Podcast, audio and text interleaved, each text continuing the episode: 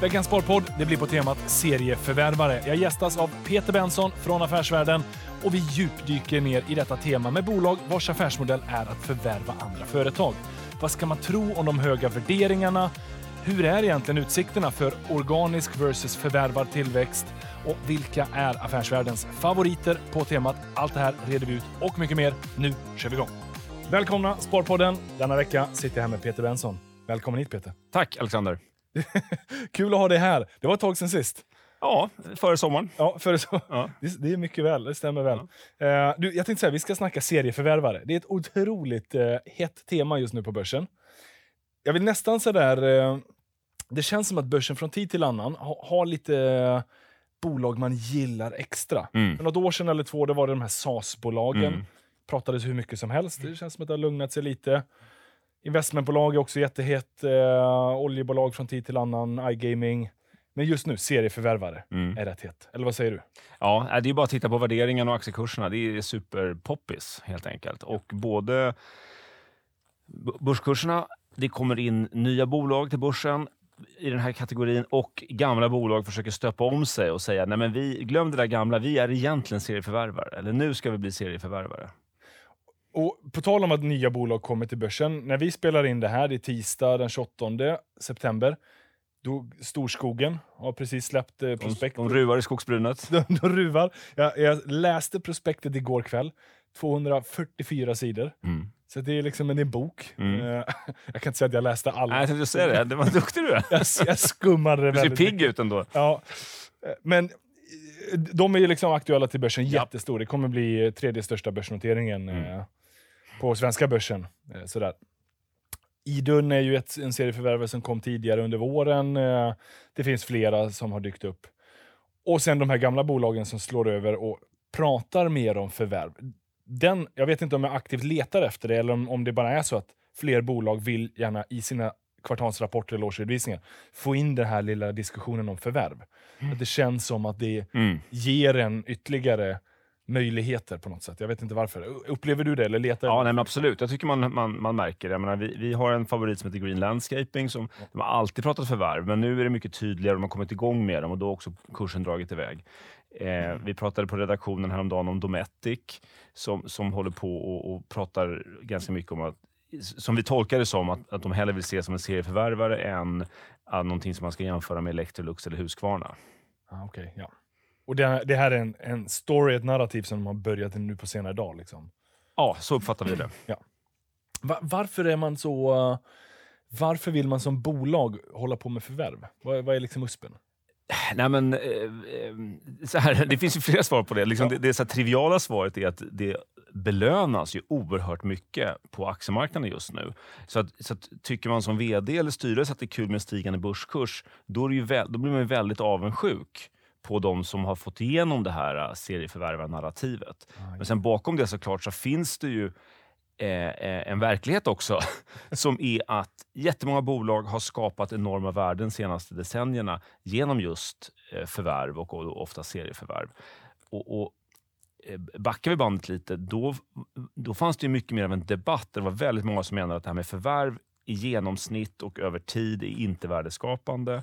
Det är liksom ett, ett, ett dåligt oddsspel där några är vinnare men det är desto fler förlorare. Och Det fanns akademisk forskning på det här och si och så.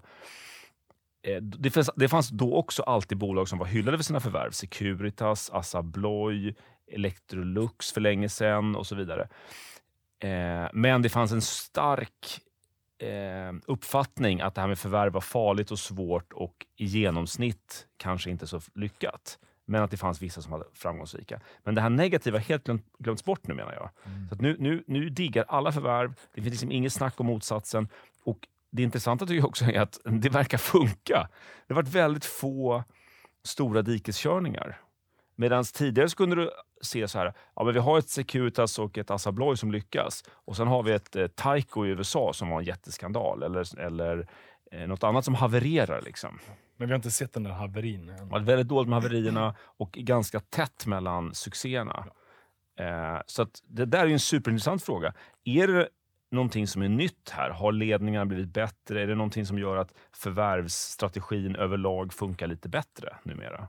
Alltså för Det mig, är det börsen säger till oss att den gör. ja, men det, det är det börsen säger. Jag, jag så här, för mig, det jag, det jag attraheras av det som investerare då, det är att de köper generellt sett ganska stabila bolag. Mm.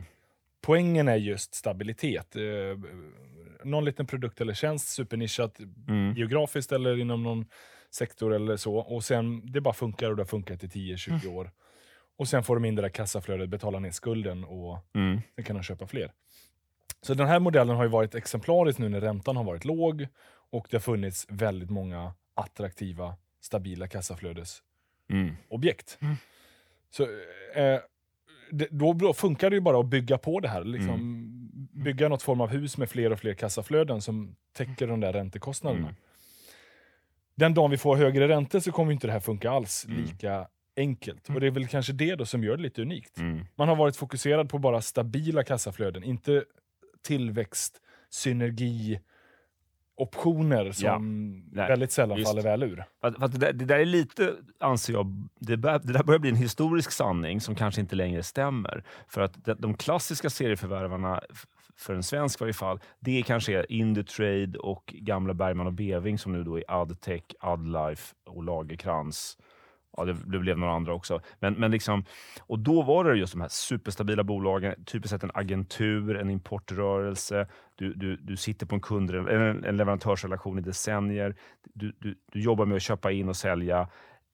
Eh, du tar inte en massa risk i investeringar eller produktutveckling och det är marknader som kanske inte rör sig så himla snabbt. Liksom. Och då är det låg risk, stabila kassaflöden och allt det här.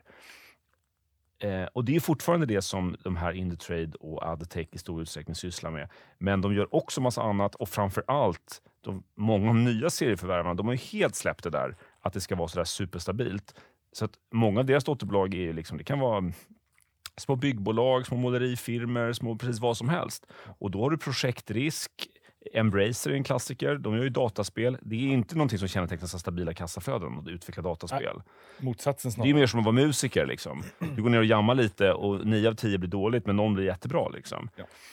Eh, sen, kan du, sen kan det se stabilt ut, för att om du har 100 dotterbolag där alla är superostabila, så kan nettot ändå bli Ja, det här ser ju stabilt ut. för att de tar ut varandra.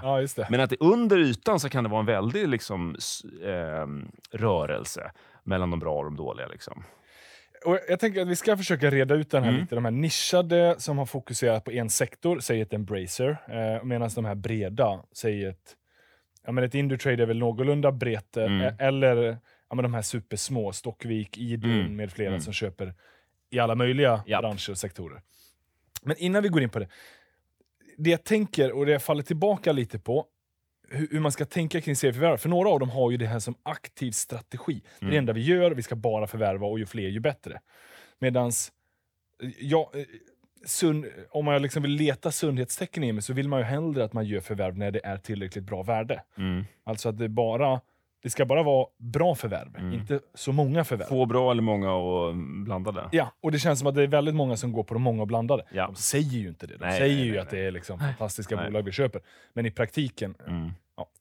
hinner du, hinner du köpa 40 stycken på ett år, då, då, någonstans måste du tumma. Du måste kompromissa då? Ja, ja helt, jag klart, liksom. helt klart. För eh, det är ju ändå så här, om man tar en Buffett, eh, Mm. det är ju ett konglomerat han har byggt. Mm. Det är ju vart förvärv också, men han har i alla fall varit väldigt tydlig med att vi köper bara när vi hittar Mm. tillräckligt mycket Ja, värde. det är ju en serieförvärvare i ultrarapid. Ja. Istället för liksom tio om året så är det en var tionde år kanske. Ja. Men då har det verkligen varit bra kvalitet. Och, Ja, ja och, och, och det är stora pjäser, men det är helt spretigt, inga synergier. Liksom. Men, så det, det är en... Men börsen är inte riktigt... eh, jag, vet inte om börsen är okej med att man gör bara ett förvärv var tionde år. Du får vara en Buffett då i princip. Ja, nej men precis. Det, det, det kommer ju bara undan med om man har någon stjärnglans. Och det, det, det kan man ju se på investmentbolagen då i och för sig, som har ju tidvis haft väldigt höga premier. Att det är ju en, liksom en förväntan om att någon gång så kommer det bara rassla till här och de gör någonting spännande. Eh, jag kan tycka att det finns liksom en lite för stor romantik runt förvärv. På en effektiv marknad så ska det inte vara så att att någonting som säljs, och där det finns stor konkurrens bland köparna och så kommer man fram till ett pris och sen så ska, och sen ska då köparens aktiekurs gå upp med liksom 20 procent. Alltså det verkar inte rimligt. Nej. Eh, det var något exempel härom, häromdagen. Det var ett bolag, Hexatronic, som inte är riktigt en serieförvärvare i den bemärkelsen, men det är ändå, en- det är ändå en förvärvare. Eh, de gjorde ett, ett förvärv och eh, börskursen gick upp motsvarande nio gånger förvärvspriset.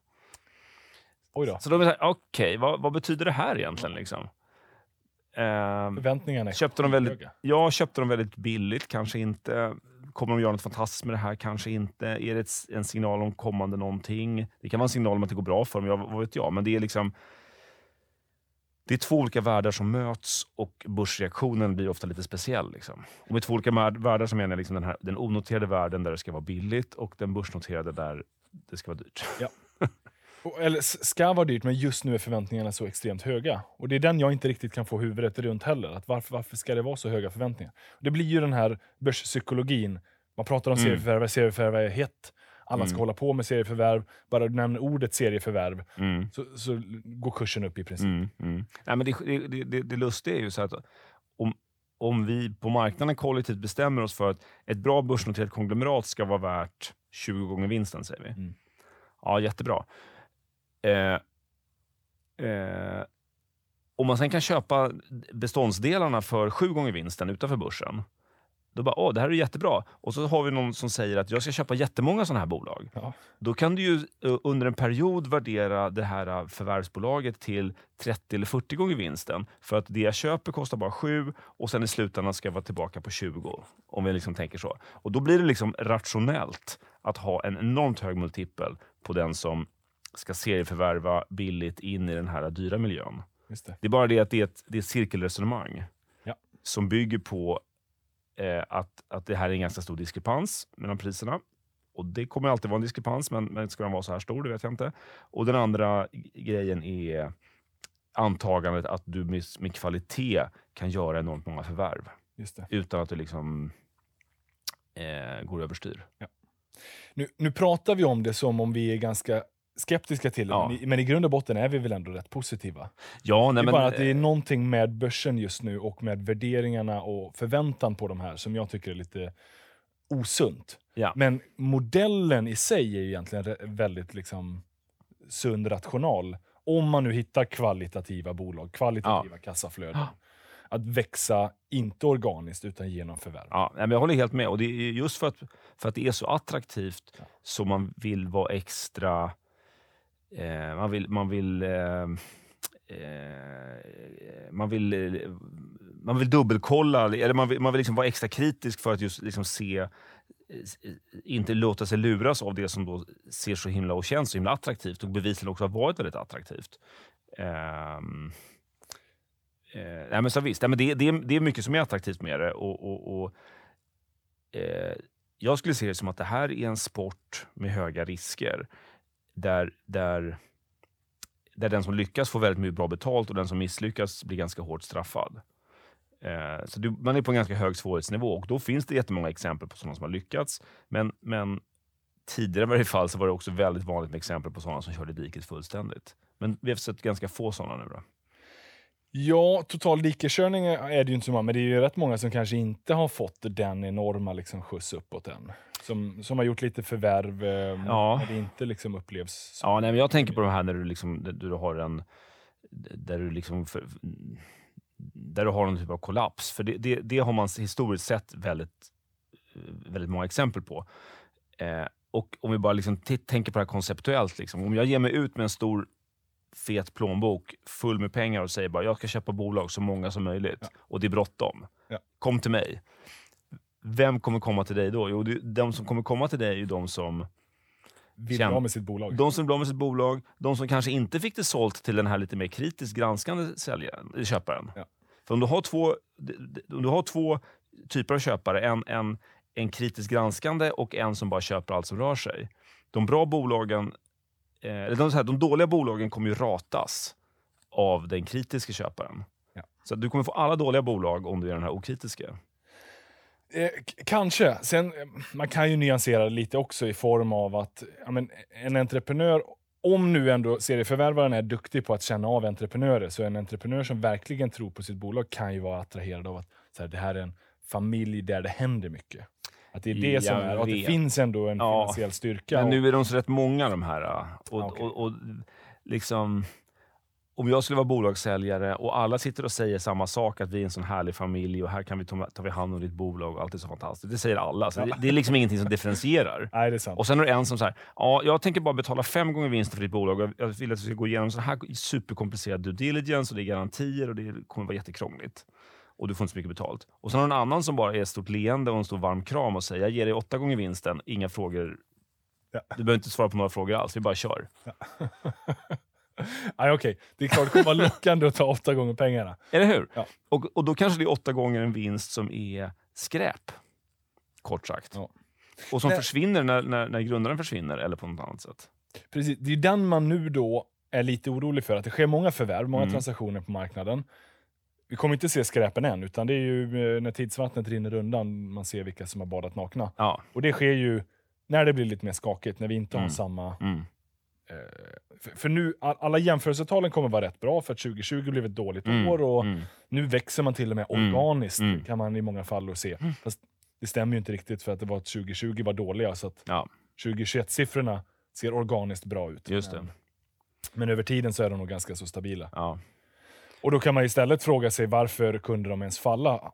Har inte ni som serieförvärvare sagt att ni bara skulle köpa stabila kassaflöden som Mm. klarade sig genom finanskriser? Och så gjorde de ändå inte det. Mm. Ja, fast, fast, som sagt, jag, Det var jag, ingen jag, finanskris riktigt. jag, jag tycker nog att många är lite eh, nyanserade runt det där. Att det, ja, jag jag vet inte. Vi, vi, det, man kan inte dra alla över en kam. Det finns olika strategier. En del, en del köper ju eh, eh, bevisligen eh, cykliska verksamheter och är, är uppriktiga med det. Liksom. Ja. Eh, jag menar, vi kikar på ett bolag som heter Fasadgruppen som håller på med fasadrenoveringar. Det, det, ingen normal människa kan påstå att det är ehm, att det är en verksamhet som är superstabil över tid för att du, du kommer ha byggkonjunktur och du kommer ha projektrisker och såna här saker. Det kan vara en jättelönsam business, men, men det är inte samma sak som att importera små nipplar från Tyskland och Korea och sälja till svenska industribolag och volymen är precis densamma. Nej. Eh, och, Men det är ju de nischade aktörerna. mm, Vilka på Affärsvärlden, för ni sitter ju ändå och eh, Mm. försöker gräva lite i alla de här serieförvärvarna. Ni gör ju lite reportage om Mm. det här nu.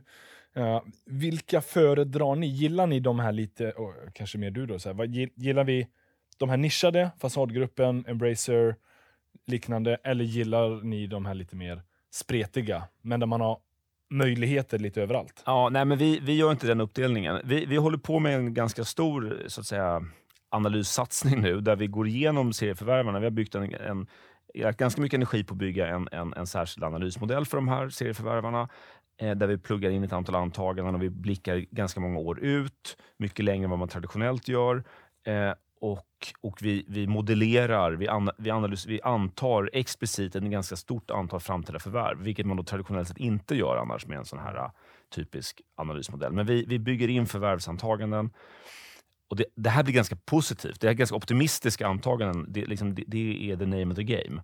Men, men det är också det som de här bolagen har levererat historiskt. Så okej, okay, man kan diskutera vad som är... Ja, men varför har man inte, jag har alltid förvånats lite över att man inte, när man kollar på Indutrade eller Adtech, så gör man inte ett antagande om att de kommer att göra förvärv, utan man bara kollar. Jo, ja, det kanske man har gjort, men... men, men Men i mångt och mycket så har man ju inte gjort det. Ja, nej, men inte precis. varit så Alltså, optimistiska. Jag tror man ofta har varit så här att man, man tittar på nuvarande bolag och sen så blickar man ut kanske ett eller två år och man kanske modellerar in lite förvärv eller så gör man inte det. Men det spelar inte så stor roll om det är ett, två år ut, utan effekten av många förvärv blir ju stor först när man drar ut det fem, sex, sju år. Liksom.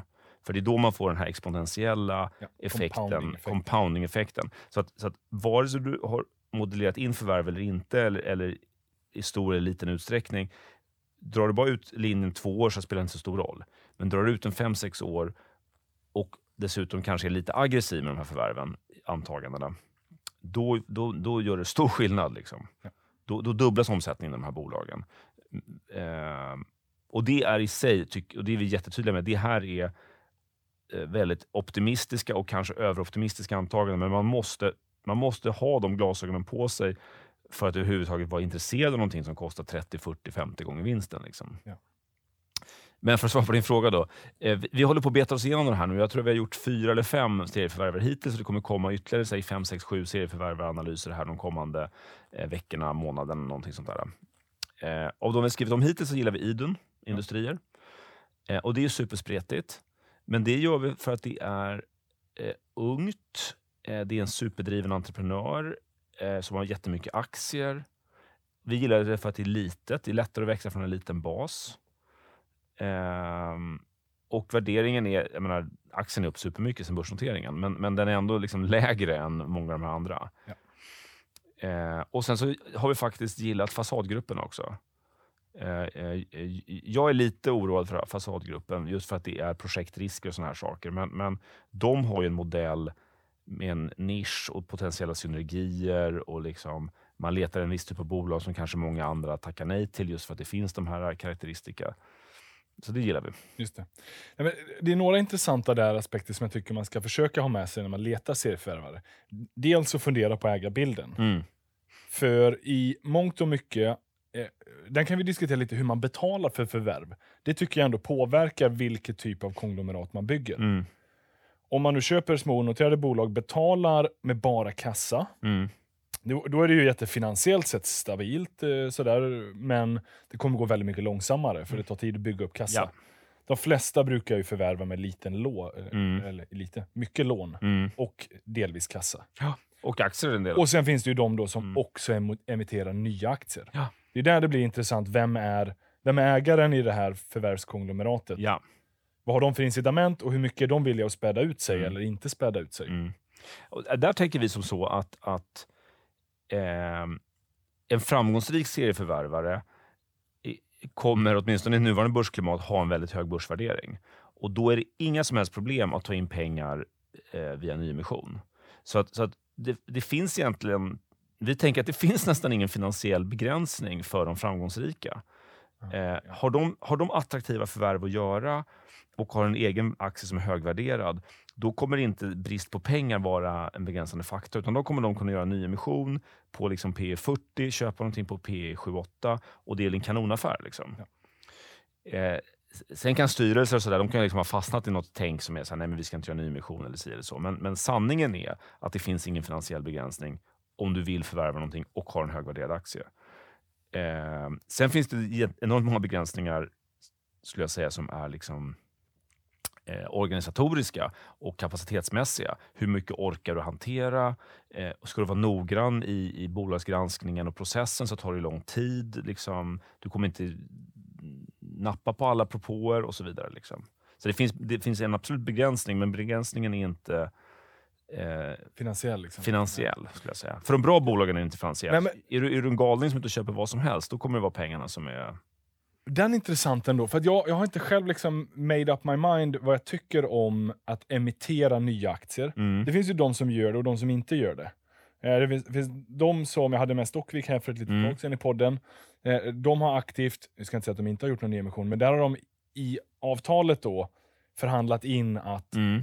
entreprenören ska köpa aktier Ja. över börsen. Jaha, okej. Men det, sker, det liksom görs inga nya aktier. Nej, nej.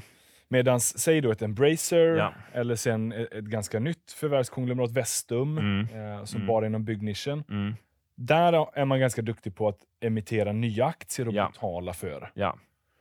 Och det är lite som du säger, så länge det är värdeskapande Mm. är det ju inget fel i att använda aktien som betalningsmedel. Nej, Det är alltså, bara att det kommer med vissa risker. Dels då vilka lockup-perioder, Ja. Re- kommer man respektera dem eller Mm. kommer det bli ett starkt säljtryck den Mm. dagen entreprenören inte längre vill vara Mm. aktieägare?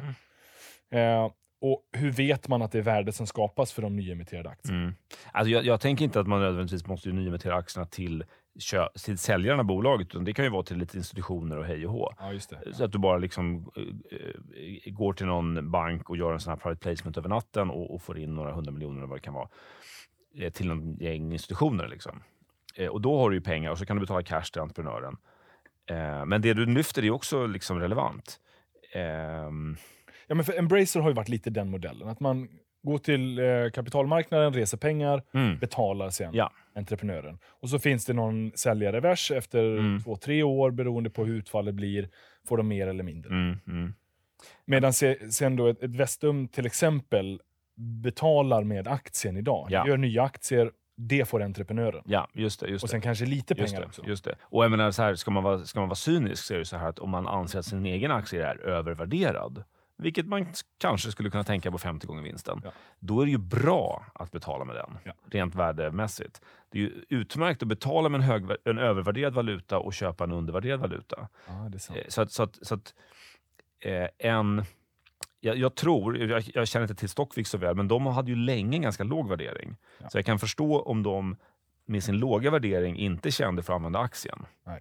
Men och där är det så att säga ett gott tecken då att de känner att vi sitter på något som är mer värdefullt än vad börsen uppskattar. Vi tänker inte betala med den. Det är billigare med riktiga pengar än med, aktie, med Ja. värdepapperspengarna. Eh, men är du ett, eh, ett, är du ett Idun som, som, som har en hyggligt hög värdering, en, en, en entreprenör med liksom 80% av rösterna via röststarka aktier. Det finns ju liksom inga nackdel egentligen med att använda aktier som betalningsmedel. För då, en grej med Idun då är att de har en relativt hög skuldsättning nu. Ja. Och det tror jag kanske ligger aktien lite i fatet, att man tänker att nej, men det är nog slutförvärvat här. Eh, Men det är inte jag alls säker på att det är, för att de kommer kunna göra en nyemission. Ja, just det. Ja, och få in mer Eh, pengar. Ja, exakt. Och en annan som vi gillar är Green Landscaping. Som, vi har inte lagt in den i vår serieförvärvarmodell, men, men den har vi haft i vår portfölj länge och, och varit en kanonaktie. Eh, Men det är en serieförvärvare eh, i mångt och mycket, eller just, eh, huvudsakligen. Eh, eh, och de har ju tidvis haft eh, ganska ansträngd balansräkning. Men då har de kunnat göra en, en ny emission när det har vankats någonting. Och så har de tagit in lite pengar och liksom löst den här knuten och kommit vidare. Även om de inte lyckas göra nyemission, fast idag, kommer de, idag kan alla göra nyemissioner för att det är bra riskklimat. Men även om det inte skulle vara det nästa år, säg, Mm. då har de gjort rätt förvärvsbygge så är det ju stabila kassaflöden. Ja. Då får de ju bara inte göra ett förvärv på två till tre år och så har ju Och så är de tillbaka. lånen, liksom. ja, då är de Ja, tillbaka, har lånen betalat ner sig. Ja. Så det, det är det som gör än en gång den här Ja. modellen ganska attraktiv. Ja. För en investerare också. Absolut. Och, och ägarbilden tycker jag är jätteviktig. Det man vill se är en, en operativt ansvarig vd eller arbetande styrelseordförande som är stor ägare, gärna dominerande ägare eh, och eller andra väldigt kapitalstarka och bra ägare av kött och blod som, som är med och, och, och driver det här. Ett Embracer är ju än en gång Ja, Embracer är klockrent, men, men, eh, Ja. Men, eh, menar, även Green Landscaping då är bra med liksom, eh, två starka eh, finansiella partners i Salén och eh, byggmästare Ahlström och en, en, en, en vd med mycket aktier. Liksom. Eh, eller Idun. Det finns ju, de flesta har den här setupen. Men ett andra, vissa, alla har inte. Lif, eller Lifco är så här, den vdn har ju mycket, mycket aktier, men det är inte så många procent av bolaget. Liksom. Nej. Alltså det är värt många, mycket pengar. Men du har Bennet som är... Bennet, och, och han är ju... eh, han är ju ett superstort plus såklart. Men han är ju väl snart 80 kanske? Ja, ja. Ehm, och, och han är rimligen inte ute och kollar in nästa förvärv, något, något Nej. eh, hissföretag i Italien. Liksom. Han är inte där och sparkar på däcken tror jag. Nej, någon, de, de, den, eh, den resan har han gjort kanske. Ja. Och det är väl än en gång lite det här att eh, ska man blicka 5-10 år ut i tiden, ett Lifco Indutrade med 50 eller 100 miljarder i börsvärde, Mm. det, det är svårt att, svårt att fortsätta den här takten. De kommer göra jättemånga fina förvärv, Mm. men det blir jobbigare än någonting som har en miljard i börsvärde. Ja. Ja, men där, där, eh, antingen släpper de kvalitetskraven och då kan man växa mycket som helst, men det är farligt. Eller så, så håller man kvalitetskraven och då, då kanske deras tillväxttakt är liksom, i bästa fall tvåsiffrig. Ja. Eh, eller runt liksom 10 procent. Det är liksom inte 20-25 procent. Nej. Sen en annan grej jag tänkt på, är, när man pratar med de här bolagen, och så frågan dyker alltid upp för dem, eh, ja, men ser ni att det finns eh, slut på potentiella förvärv? Och då är ju, skriker de ju alltid nej. nej, nej, nej. absolut Det finns hur mycket som helst. Det Ja. finns hur mycket som helst, det finns flera hundratusen Ja, ja, att ja. köpa. Ja.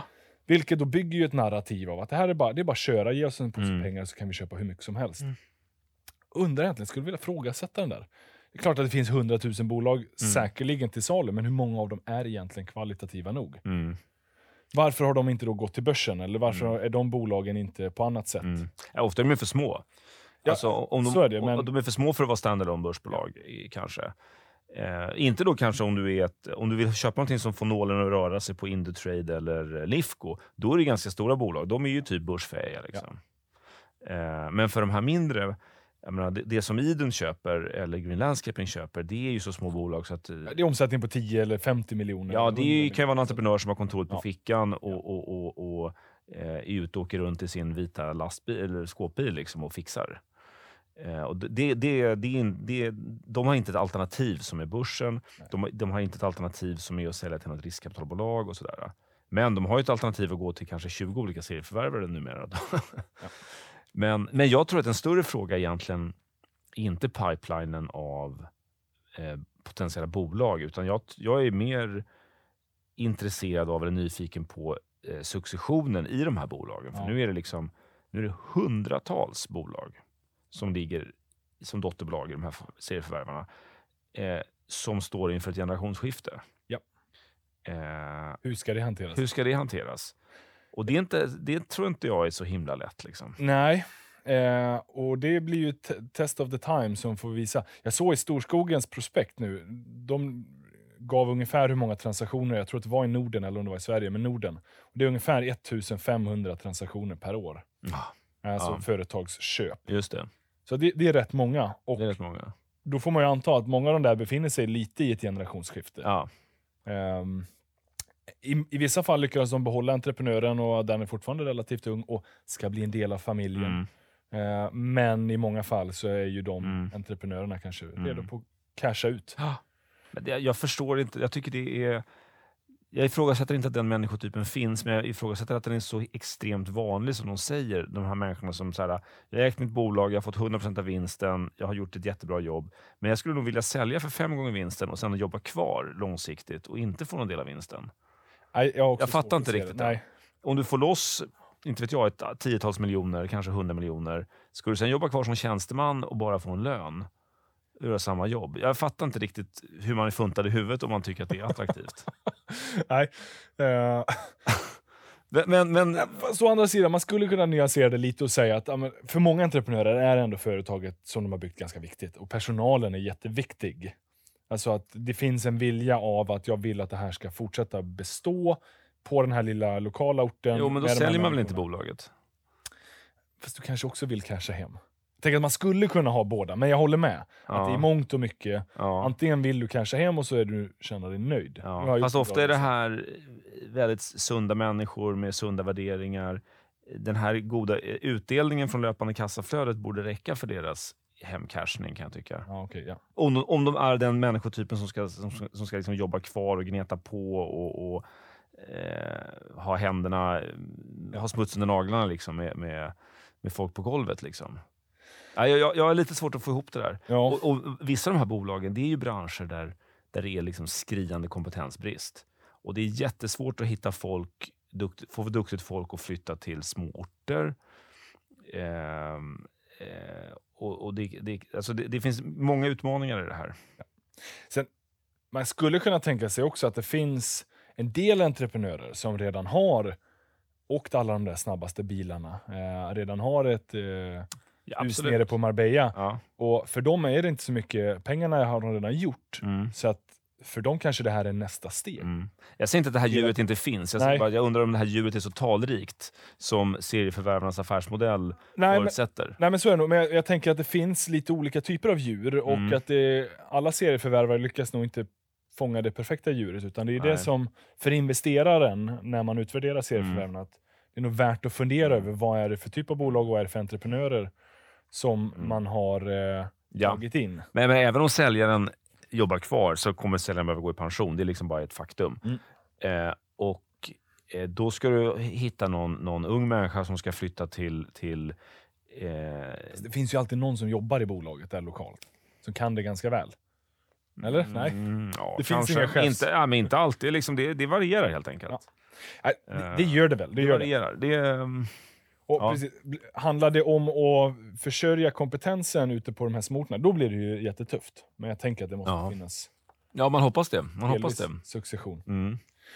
Hur tror du att man ska utvärdera för just nu så liksom känns det inte som att börsen utvärderar de här förvärvarna särskilt mycket, utan man lägger en hög multipel och så bara mm. fortsätter förvärva så kommer det här bli jättebra. Mm. Vad tror du för den som vill vara lite selektiv som investerare? Vad är det mer specifikt man ska leta efter? Vi har pratat om tydliga ägare. Mm. Eh, kvalitet kanske före kvantitet. Det, det måste inte, mm. man måste inte bara göra ett förvärv. Mm. Du kan ju göra tre, eller fem mm. eller tio förvärv som är ja, absolut, absolut. kvalitativa också. Men... Och, och, för vissa bolagen så, så, så ger kvantitet, kvalitet. Alltså om du tänker Fasadgruppen eller Green Landscaping. Eh, ju mer bolag de köper och liksom sätter små nålar i kartan, ju tätare det här nätverket av dotterbolag blir, desto starkare konkurrensposition får man. Ja. Eh, och En annan aspekt är det här att, att eh, många småförvärv eh, har ju ändå på något sätt en lägre riskprofil än att göra en stor eh, liksom game changer för flera miljarder och, och liksom sådär. Det finns ändå liksom bara en, en, en rent matematiskt så, så eh, kommer det ha större variation. De tar ut varandra. Om de gör många små förvärv så tar de ut varandra lite grann. Just det, just det. Men, men, men kvalitet, hur man nu upptäcker det, men man kan möjligen försöka undvika de här som köper liksom eh, kassar av bolag liksom, eh, åt gången. Ja. Eh, där det går väldigt, väldigt fort. Och jag tycker det är viktigt att, att fundera på, verkligen knacka på frågan hur, hur funkar styrningen i det här bolaget? Hur driver ni dotterbolagen? Är det liksom, hur aktiva är ni i styrelsen? Har ni externa ledamöter? Eh, eh, hur funkar incitamenten för dotterbolagscheferna? Eh, det, finns många, det, finns, det finns inte bara ett rätt svar på det här, utan det finns många bra lösningar. Men det är viktigt att liksom knacka på det där och känna om de har någonting som är verkligen genomtänkt. Och som, och som, och som, de, som är beprövat av dem själva och som funkar. Funkar för dem, så att säga. Eh, att bara liksom köpa lite på måfå och sen så ta problemen i den takt de dyker upp, det är nog ingen bra strategi tror jag. De flesta säger ju att man låter dem vara autonoma. De får göra precis som de alltid har gjort. Jag vet, men det, det är inte... Och, det, är eh, inte det, är så här, det som händer i ett bolag är ju att vdn vill ju ha vill ju ha vissa saker av sina ägare. till exempel. Så här, ja, men nu skulle jag vilja behålla vinsten i år för jag ska investera i det här. Eller jag behöver låna upp mer pengar. Då behöver ni kanske garantera lite på lånet. Eller jag vill göra eh, det här förvärvet själv. Eller jag behöver eh, rekrytera pers, några personer. Eller jag vill bara ha lite mänskligt stöd. Och då kan man inte bara, nej men jag är hands-off. Ring någon annan.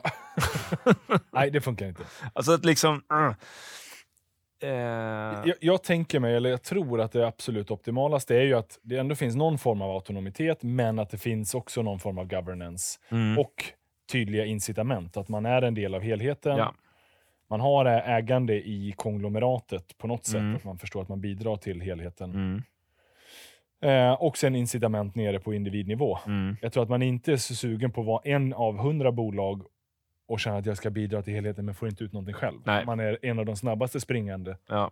Nej, det tror jag också. Jag tror lo lokala incitament tror jag är Ja. helt centralt. Alltså. Ja, det tror jag också. Eh, och, och, och Många har ju det, särskilt under en övergångsperiod med kanske någon så här tilläggsköp på skillingar och earnouts och här saker. Men, men, men hur har man tänkt med det långsiktigt? För att de där övergångsperioderna, de är bara tre, fyra år kanske.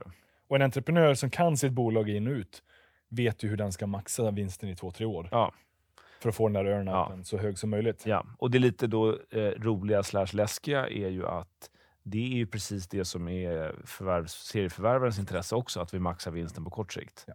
Om man är cynisk. För att få en hög börsvärdering så att säga. Eller? Alltså, man, man, det är inte så att man aktivt säger att nu vill jag maxa på kort sikt och sen få dålig, dåligt resultat längre fram. Men, men liksom, man vill inte försaka den kortsiktiga vinsten för då, då, då kanske den här P40-50-värderingen börjar darra. Liksom. Just det, ja. Och någonstans så, ja men det är lånefinansierat delvis och den, Mm. det lånet ska kunna Det ska servas. Servas och sådär, så-. Kortsiktigt, det finns det absolut. Ja. Men, men vad, vad är rimlig värdering på serieförvärvare? Vi har ju pratat historiskt, har ju adtech och de här legat på 20 kanske, 15, 25. Ja, men jag vet inte. Jag, jättesvårt tycker jag. Men, men, men jag tycker väl att det är... Man får ju titta på lite olika saker. Dels här, vad, vad står börsen i största allmänhet? Ja. Jag menar, är vi på en så att säga, P10, eller P15, eller P20 eller P25 börs? Slarvigt. Och sen så vad är diskrepansen mellan, mellan eh, börsvärderingar och det du förvärvar? Så förvärvar du för... för, för, för det är viktigt att, att gaffla in den. Eh, och sen så gissa då eh, hur mycket kommer de lyckas förvärva. För, för tror man att de kan, klarar att förvärva mycket med, med, med bibehållen kvalitet, då, då kan man motivera en ganska hög premie. Alltså. Ja. Då, då, så här, ja, då är inte P30 något särskilt dyrt egentligen. Liksom. Men då måste man tro på ett antal saker. Och sen ska man komma ihåg när man kikar på värderingar på den här typen av bolag att det är ju antingen om du kollar rullande, Mm. då får du ju de tidigare befintliga bolagen medan Ja. I de flesta fall så redovisar de ju någon form av proforma som Mm. om vi hade ägt de här dotterbolagen vi nu förvärvat Ja. hela året. Vilket rörelseresultat hade vi haft då Ja. för att kunna betala det? Och sen än en gång, vad händer om man blickar två, tre, fem år Mm. ut i tiden? Mm. Vad är multipeln eller värderingen Just det. givet det kassaflödet? Just det. Just det. Nej, men jag, jag tycker att man ska tänka på någon slags proforma. Vad äger vi Ja. idag? Eh, och, och vad tjänar det på årsbasis? Eh, och sen så en, e- en, hel- en, så att säga, sen en egen övning att då fundera på hur mycket man utöver det kan förvärva. och lägga på i kassaflödet. Ja. Modellen är ju enkel. Att, vad, vad har du i intäkter? Och de intäkterna i sin tur kan du lägga en lånemultipel på. Mm. Tre gånger rörelseresultatet eller fyra gånger kanske du kan ha i skuld. Mm. Eh, det, det var max banken eller obligationsägarna kommer att tillåta ungefär och sen tar det dig då fyra år och givet att du har det där rörelseresultatet. Ja, Att betala det, ner den. Just det. Ja, men, jag, jag, jag, en annan grej som jag tycker är viktig. Vi, har, vi på Affärsvärlden har köp på Embracer också faktiskt. Eh, ja, det har vi väl fortfarande. Eh, eller vi satte det ganska nyligen nu för att den har gått ner så mycket. Eh, och eh, Jag är lite orolig för Embracer samtidigt som jag är så superimponerad av Lars Wingefors. Och, och här fångar in två olika saker som jag tycker är viktiga båda två. Det ena är liksom betydelsen av en bra entreprenör. Den, det, kan, det kan inte överskattas helt enkelt. Eh, och där har de liksom fem stjärnor. Eh, men den andra grejen det är att vara försiktig med sånt med serieförvärvare som ger sig på eh, branscher med liksom hög innovationsgrad och hög, investerings, hög investeringsbehov. Och det är precis vad dataspel är. Det är ju liksom innovation, förändringar. eh, Liksom, det händer mycket i den här branschen. Eh, du kan liksom inte så sälja en, pro- en produkt för fem, en 15 år gammal produkt kommer inte vara speciellt eh, fräsch. Liksom. Sen finns det alltid lite fans som sitter och gillar att spela liksom Tetris från 80-talet fortfarande. Ja, men de är relativt få. Fine, men det är liksom inte en tillväxtbusiness. Ehm, och där är ju Embracer i, i, i andra extremfållan då, att man ger sig på väldigt svåra branscher eh, och som kräver ganska mycket av ägaren. Liksom. Men å andra sidan, då, då är det den bästa tänkbara ägare för att hantera de här sakerna. Men det är lättare att göra det om man har eh, två eller tio spelstudios än om man har liksom 70 spelstudios. Men ändå är ni imponerade. att det, det är en svår marknad de eh, liksom navigerar på Embracer. Men de har historiskt bevisat sig, vilket gör att ni ändå är övertygade av att det är rätt. Nej, vi är inte övertygade om något. Vi, vi, vi tycker att oddsen har blivit lite bra nu när kursen har gått ner så mycket. Just det. Att, att nu ser det faktiskt, om vi tar den här proforma-övningen och, liksom inte, och är lite, lite försiktigt optimistiska, då ser det ganska billigt ut. Ja. Rent utav. För att aktien har gått ner så mycket. Så vi, men vi är inte övertygade om något. Men vi tycker bara att oddsen har blivit, blivit ganska bra efter det här kursraset. Just det. På tal om förvärv och liknande, spackarna. De har ju nästan, eh, det har inte varit lika mycket prat om det. Det Nej. bubblade upp en hel del spackar där. I, Finland, I Finland gjordes väl Nordens första SPAC-investering nu tror jag. där konverterades till att bli ett bolag. Ja, Ah, ja. ja. jag kommer inte ihåg vad det hette nu, men, men, men eh, de köpte någonting inom någon slags miljöteknik, eh, eller vad det nu var för någonting.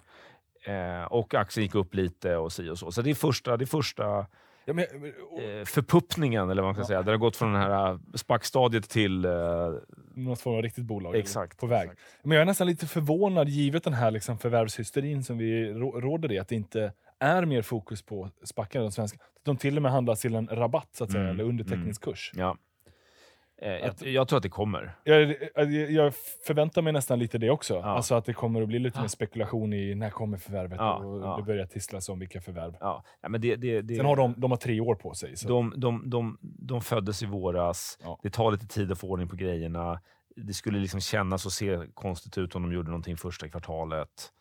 Ehm, Just det, för de fick ju inte ha något åttänkt bolag när de gick till. nej, nej. Och så, så att, eh, Men det fattar man ju också att klart att de har något bolag som det de... är klart att de har en lista på bolag de vill ringa Ja, och, och, och, och knacka på dörren hos. Men, men eh, eh, jag, jag, jag har ingen aning. Sen så det här, eh, men, men spackarna är, det är ett intressant fenomen för det bygger egentligen på samma grundidé som med serieförvärvarna som är att, att bara flytta en tillgång från en viss ägare till en annan ägare. Det ska vara någonting fantastiskt. Ja. Som, som liksom på något sätt Skapa värde. skapar värde. Vilket är lite så här, ha, hmm, okej, lite konstigt. Ja. Men, men ja, men nu är det så. Och ibland kan jag tänka så här, det kanske är som när man går på restaurang. Om du går på restaurang och, och köper pannkakor, då betalar du kanske 80 spänn, eller 100 spänn eller 200 spänn beroende på var du är någonstans. Men det är ju bara så här ägg, och mjöl och vatten och vad det är för någonting. Det kostar ingenting. Du har bara tagit några råvaror från ett ställe, jobbat lite, lite med dem och så är de värda någonting helt annat. Det är upplevelsen. Det är upplevelsen. Det är så, Bolagen finns på börsen, bara den det är upplevelsen. så kul med spackar så att det är värt. Nej, men, men, men, men det, finns, det finns någonting i den här komforten. Om vi tar restaurangliknelsen då. Det är komforten av att få det serverat.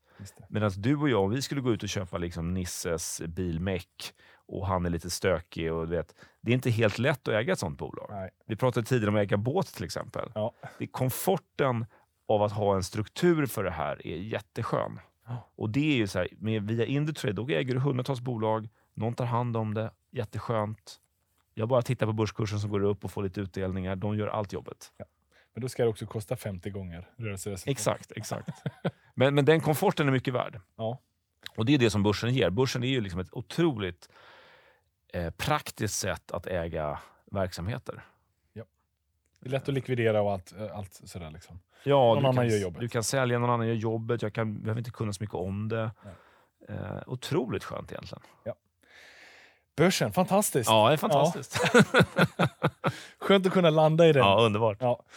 Ja, men det, det blir spännande att följa de här serieförvärvarna. Mm. Det kommer säkert pratas en hel del mer om det. Det Jag tycker det. att ni gör eh, era nya modeller, ni blickar lite längre ut i framtiden, är, är rätt intressant att kika på. Eh, är man prenumerant på Affärsvärlden får man ju ta del av detta. Japp.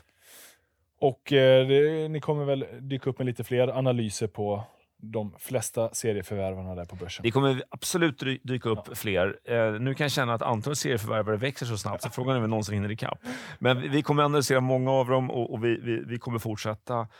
Eh, sen finns det alltid gränsdragningsfrågor. Vilka är serieförvärvare och vilka är det inte? Eh, eh, Ja, det är lite upp till fri tolkning. det är lite upp till fri tolkning, det är lite upp, men, men, men det, är, det, är ett, det är ett spännande fenomen och jag lutar åt, om vi har några minuter till, Ja eh, jag lutar åt att det kanske ändå är så att, eh, att vi har blivit lite proffsigare på det här. Och då menar jag inte jag, utan alltså världen. Jag menar, alltså, det finns massa människor som har vana från riskkapitalindustrin och man har liksom kanske lärt sig vissa misstag. Ibland kan jag tro att svenskar kanske är lite extra bra på det här med serieförvärv också. För att vi är rätt duktiga på vi är rätt duktiga på det här med decentraliserade ledarskapet. Liksom. Vi är rätt duktiga på, på att ge folk så här, ja, men nu, sköter du det här, jag vill ha de här fem sakerna rapporterade, du kan ringa mig om de här tio sakerna, men i övrigt är det ditt ansvar. Vi, det ligger, det ligger oss, vi är ganska duktiga på att ge folk ansvar Ja. i, i näringslivet, skulle jag säga.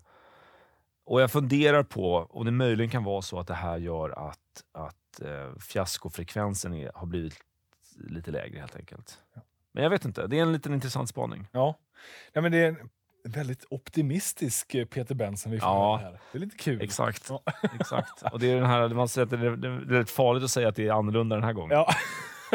ja, alltså något, något för fiasko, det kommer det att dyka upp. Det kommer Eh, sen är det bara frågan om vilket och vart Mm. och i vilken omfattning. Men eh, ja, jag är också väldigt positiv. Mm. Eh, modellen i sin helhet är väldigt enkel och jag Mm. gillar enkla modeller. Eh, jag tror på företagande och Mm. det är precis vad det handlar om. Ja. Det är inte särskilt liksom... I många fall är det inte de här superfancy, flashiga nya apparna eller SAS-teknologier och så vidare, utan det här är rörmokare, plåtslagare, Ja. import, export. Ja. Eh, enkla affärsmodeller som har funnits i hundra år och som säkert finns i Ja. år. Och det kan vara så att det är en ganska praktisk ägarform för de här bolagen. Att, att det, någon har startat det, gjort en bra resa, tjänat bra med pengar, men vem ska ta över det sen? Då kanske det är ganska logiskt att de ligger i sådana här förvärvskonglomerat. Ehm, Ja. Så, så det, även där kan det finnas en slags komfortaspekt. Men, men, man, men man, ska, man ska vara väldigt... här, Det kommer finnas... Mitt mitt sista medskick måste ändå vara lite mer bitter, bittert. Och det är ju att jag tror att variation, variansen, eller variationen mellan de framgångsrika och de mindre framgångsrika, den kommer vara väldigt, väldigt stor. Det ser inte ut så just nu på börsen, men det, det kommer bli större skillnader mellan vinnare och förlorare. så att säga. Ja. För det här är en svår sport. eh, med hög skaderisk. Liksom. Och att vi inte haft skador på länge nu, det, det är inte ett bevis för att vi kommer, aldrig kommer ha skador. Utan det är, en, det, är en, det är snarare ett bevis för att det kanske är dags för lite extra för många skador nu. Just det. Men de som lyckas, då, kommer man få se den här compounding-effekten. Ja, då- Ränta det- på räntan verkligen gör sitt. Ja, den, matematiken är ju sån. Liksom. Ja. Och det tar 5 till 10 år plus innan man ser det där, men då ger det jättestor effekt. Ja. Mm. Du Peter, jag tror att vi nästan har vänt på varje sten kring Tror serieförvärvarna. du det? Ja, härligt. Det finns säkert fler aspekter. Då får vi... Det är aldrig slut. Det tar aldrig slut. Nej. Cirkusen fortsätter. Exakt. Men eh, kul som alltid att podda med dig. Jättekul att snackas.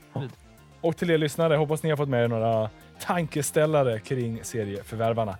Ni vet att vi ses och hörs igen nästa vecka. Hej!